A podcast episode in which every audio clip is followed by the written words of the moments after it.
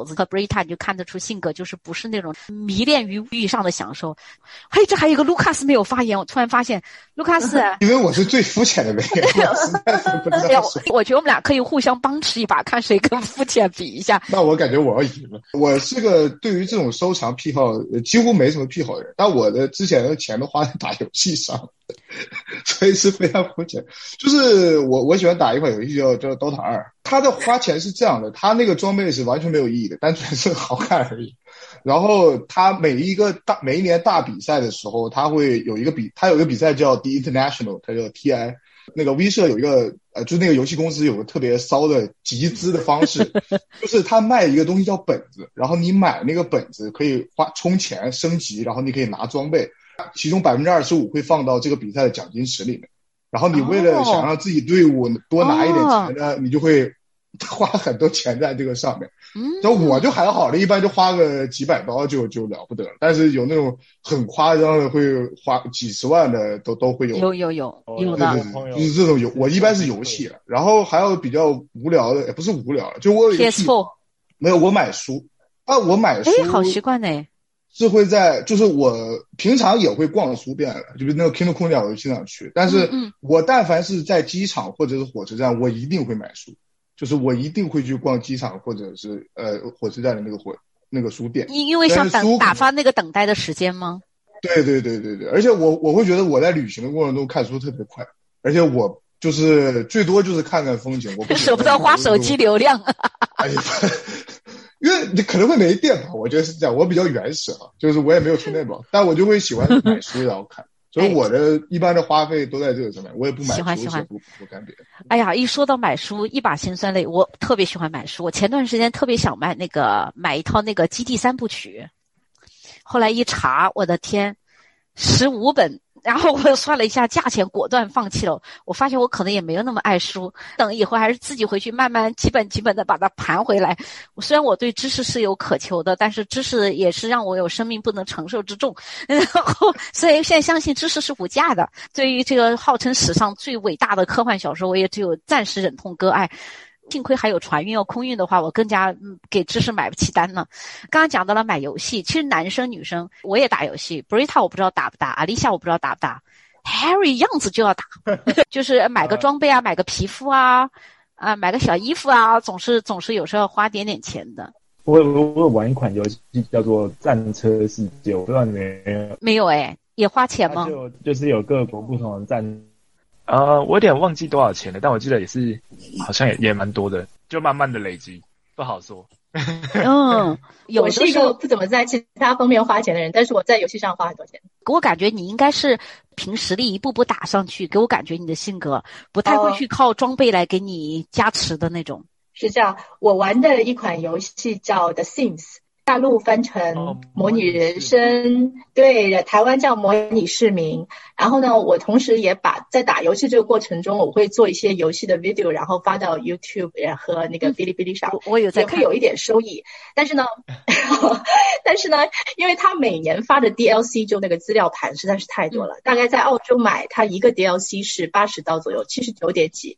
他一年可能要发七八次吧，反正就基本上。隔一个半月就会有一次，然后我就都买，因为我觉得作为一个游戏博主，我怎么可以不买呢？我就都买。然后呢，从各个平台上收过来的钱可能也就几百块人民币吧。然后我老公就说：“你这是何苦呢？你自己投了好多好多的钱在游戏上，但是其实产出是很低的。每次我在那里花时间编游戏视频的时候，他说你又在做慈善啦，你又在做公益啦。我说这个。”这个无关，这个是兴趣爱好，我也在这上面花了很多钱，这样。嗯，但我觉得你可以反问他，哎，你起码是，你把它比如说买回来了，你丢出去还见了个影儿，对吧？你还有收益，他的三 D 打印机一直在花钱，并没有收到钱进来。男生，你说花钱花的少吗？一点儿也不少哈。自己买过的最贵的东西，有时候拿出来一看，真的，我就说男生的好一点的一条皮带，一个钱夹子。啊、一套西装，一个包包，可能是要抵我们一一柜子的衣服。呃，每个人都有自己喜欢买的，就是舍得花钱的地方。像我最舍得花钱的地方就是吃，我在吃上面我是绝对不含糊的，一定是要买好的。像我喜欢吃猕猴桃，有绿的和金的，金金果再贵我都不会去买边上便宜的绿果。就我觉得人如果在吃上面都对自己还那么苛刻的话，就太对不起自己了。但是买买买之前哈，但我曾经也有过迷失过。刚才那个卢卡斯讲他自己肤浅，我特别不好意思。你们这儿都是打游戏都不叫肤浅，打游戏现在也是电子竞技了，也是职业。Harry 还能靠自己的镜头赚钱，还能够 cover 住 Brita 人家能够无欲无求。阿丽夏是给全家人买东西。我曾经迷恋有一段时间迷恋包包。有迷恋包包，而且我是个鞋子控和衬衫控，我到现在都想痛下决心不买包包了，已经就完全不买包包了，因为有了孩子以后，这个两个负担包包太大了，就再也没有这样子去花过钱。但是我对鞋子哈，对衬衫迷一般的执着，只要看到好看的衬衫和鞋子，不买就浑身无力呀。今天一天洗碗的时候，脑子想，我衬衫我该把它买了。你们会不会在要比较大的自己特别想买的一样东西买买买之前？阿丽莎应该可以跳过，不用问了。就是呃，有有有要攒钱吗？需要吗？我是不会攒钱，因为我我可能也也有也许会买一些就稍微贵一点的东西，因为你不用。呃，但是我是想到我买。我买就买了，好像是没有，我没有攒钱的过程，因为我我们家里面这个财务不是我掌管，所以我想要买，我就直接拿钱拿钱来就可以了。这这最狠的就是有有人给你打工，嗯，然后那个电视剧里经常一个男的，对对，那个男突然拿出一张黑卡，拿去吧，花没有限额，然后就那种感觉。但是像 Harry，你需要如果买一个狗头的话，要攒钱吗？要要要，还是要，还会不会吃泡面？还不会，还不用到吃泡面，吃吐司就好了。吐司好吃一点。哎，其实我很喜欢吃泡面，哎，喜欢吃韩国泡面。但我买东西之前我会这样，就尤其是以前单身的时候，在上海的时候，每一个星期去逛东方商厦是我人生非常大的一个乐趣。东方商厦有太平洋，太平洋旁边有六百，然后还有汇金百货。但是我始终觉得东方商厦更高端、大气、上档次。所以以前到东方商厦每周去一逛嘛，你空手进，你不能空手出呀。那问题他那儿卖一个发夹都比较贵的，那个时候单身嘛，还没有没有那个一对一帮困精准扶贫的时候，那就自己一个人。那哎，那个时候收入还可以，自己单身的时候，因为工作还比较不错，那我会攒钱。一方面又想买这些东西，所以我会在买自己很心仪的比较贵的时候，就会想办法怎么样去多攒钱。多吃几顿泡面也好，就把这个钱给找补回来。你会吗，Harry？会啊，会啊，那要要要要要要。可是我觉得，我觉得或许或许不一样吧。就是比如说，我对吃，就是我当然会讲究，但是那是真的要吃的时候，认真吃的时候，不认真吃，这个钱就其实还好，尤其有时候自己煮。然后日常生活的话，目前好像也没有真的到有花那么多。比如说，就可能自己会。规划要要存多少钱？哦，有规划的哈，还是还是要规划啊，不然哦挺好哎，一下子就咻哎，怎么几千块不见了？然后就有点，就是你会警觉到哦，不行。我很警，你几千块钱不见了才会警觉到哦。我跟你说，我丢二十块钱我都能警觉。有时候那种是看不出来的，比如说就十几、二十、十几、二十，然后累积起来，哎，怎么一个一个月花了几百块在某项商品上面？啊，对吧？所以就后来就发现说，哎，仔细的那个。检视自己以前的花费，我会觉得哦，好像，以前有点过得太开心了。现在可以，对，我可以把某部分钱省下来，然后把那个这部分的钱拿去做其他，我觉得可能比较，我会更喜欢做的事情。对，把更喜欢的形状这样子，嗯，就转换。嗯，上一个月是花前月下，下一个月就是花下月前。但是有一些地方可能就是不太会省哈，就是在千省万省，我不会在吃的方面去省的，是一个特别爱吃、会吃、舍得吃，绝对不会为在吃上面让自己难受的人。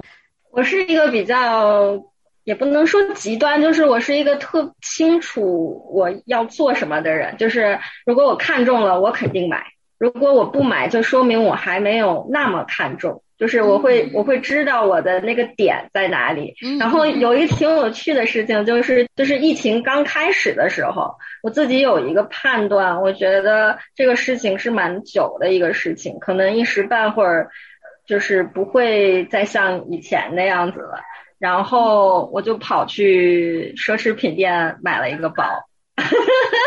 就是我从来我从来不买包的，但是那个时候我就觉得我我有一种那个末日来了的感觉，而且我知道就是很长一段时间会是一种完全不一样的状态了，所以我就跑去某个店，然后呃就是花了自己从来没有花过多的那么多钱买了一个包，然后我管这个叫做一个末日消费的感觉。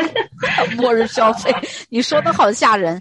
像 Brita 这样子，我觉得挺好的。就是人生最难得的就是有钱难买我高兴，所以有时候买爷高兴。对对对对，不在乎这个东西贵还是不贵，我就是喜欢它，然后也在我能够消费得起的这个能力范围之内。我不知道大家有没有这种想法，就是一早起来的时候，我们台湾的说法是脑波最弱的时候，那个时候只要有任何的可能，你以前看过想要的广告跑到你面前，你购买的几率就会大增，因为你。还没有那个判断力，还没睡醒嘛？你家还在滑滑，就哎，这个哇，这个哇，这价格很 OK 啊，他就买了。我有好几台相机都是出现在这个时候，就是 就在或者或者在晚上很想睡觉，睡前划个手机，那个时候就可能一不小心就滑滑进了一个某个商品进来这样子。我觉得那个时候是最危险的，然后其他时候倒是还好，这是我个人经验，还有我一些朋友也是这样子。好像晚上睡觉前好像是一个时段来的哦，反正我就是怕看美食节目，其他不怕。哎，他心里最脆弱的时候听别人吐槽，这正是此意。我觉得我也是，基本上是晚上睡觉前特别想买东西，因为因为我我其实我买东西是比较理性的，我基本上自己很少给自己添加什么。鞋子、衣服、包包，但是每天睡觉前，我觉得一天下来特别特别累，我就在想，怎么能让我的生活过得更轻松一点呢？我就会去买一些电器，比方说什么除湿机啊，什么破壁机啊，什么，就我就觉得是不是可以把我的人生从很劳累的家务工作中解脱出来？就这个时候花钱，我就觉得怎么样都是值的。就是它哪怕再贵，我想我能让我得到半个小时时间打个游戏。怎么样都是值的，所以我就其实还投资了很多，其实还投资了很多游戏以外的钱在游戏里面，买了很多家用电器。哎，但是我发现我有个很大的转变，就是做了妈之后哈，很少给自己买东西了，钱基本上都花在孩子身上了，而且花的心甘情愿的，就是慢慢的遗忘了自己。自从做了妈以后，有了家以后，孩子才是从根本上限制了我的消费力。对我也是给年轻人上一课，我也是这样。我也是这样，我其实，你你说刚才说你那件衣服，你如果没买，一直想我，其实 我我也会是这样。我我二三十年前一件裙子没有买，我现在都觉得好遗憾。然后我后面看到有类似款的，我就拼命买。虽然现在的身材穿不下了，我也拼命买，要弥补一下。这个这个衣服跟我呃跟我三十年前看到没买的那个很像哎，买了。我怎么感觉你有一种恋爱的感觉？哎，好奇怪，你们都是晚上怎么会有消费欲哈？我艾瑞讲了，白天在忙啊，白天在忙啊，忙一天，忙家务，忙做饭是吧？然后忙很多事情，晚上睡觉的时候叫什么？熬夜的自由嘛，是吧？熬的是自由，这个时候就放松一下，放松一下的时候就想。啊，买点什么东西呢？一般网上购物，我不太喜欢逛那个实体啊，我我我没有时间逛，我现在就是大多数时间都是网购，然后在网上逛啊逛啊，逛很多东西就买，觉得是一个一个就是这个晚上是一个消遣，就是最好的一个消遣的事情。哎呀，卢卡斯，你会觉得有早晚的分别吗？早上和晚上就特别想消费。我也是，我我没有一个特定的，就是是冲动消费的人，在什么时候都是会冲动。我喜欢你，我喜欢你这句话。我感觉，哎呀，实际上对我们来说，好呃没有那么大影响。你既然打游戏，你像 Sony PS4，还有任天堂的 Switch，还有微软的 Xbox，还有 AR VR，你这种有没有配齐？没有没有没有，那个太太麻烦了。我我我我我这个人比较奇怪，因为我打游戏喜欢打一款就一直打。我不感感情上非常专一啊。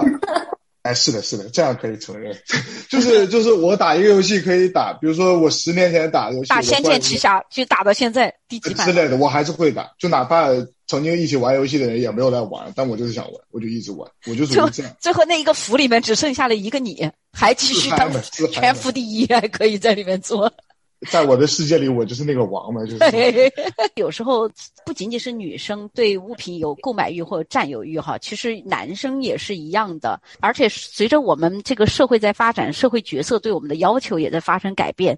女的有的时候慢慢就成了女汉子，买的东西也在发生转变。男的也是，我觉得慢慢的，比如说有些男生开始要化妆啊，怎么样？你们这么多年来喜欢买的东西，有发现自己有发生转变吗？发现我对打折信息特别敏感，跟另外一个同事一告诉我鸭子打折了，我保证就是现在盯着这个 cos 的那个打折的那个广告看，鸭子一打折，我马上就会去采购好几个回来，就是想脑子里先每天盘算，一个做盐水鸭，一个是一个烤了，然后另外一个烧着吃。这么多年已经就是满完全在向一个家庭妇女的方向在转变。都会有转变，我也会这样。年轻的时候可能自己我不会像你那样疯狂的 迷恋包包哈，但你的包包还可以升值，我不会疯狂的迷恋包包，但是衣服、化妆品都会会买。那现在几乎是就是为自己考虑的少很多，除了我的面膜以外，其他的几乎都是 一箱子面膜都是。都是都是孩子的，呃，因为有三个孩子嘛，所以你要三个孩子，他喜欢吃什么东西，他喜欢吃什么东西，他喜欢用什么东西，都要啊，就全部精力都放在这个上面。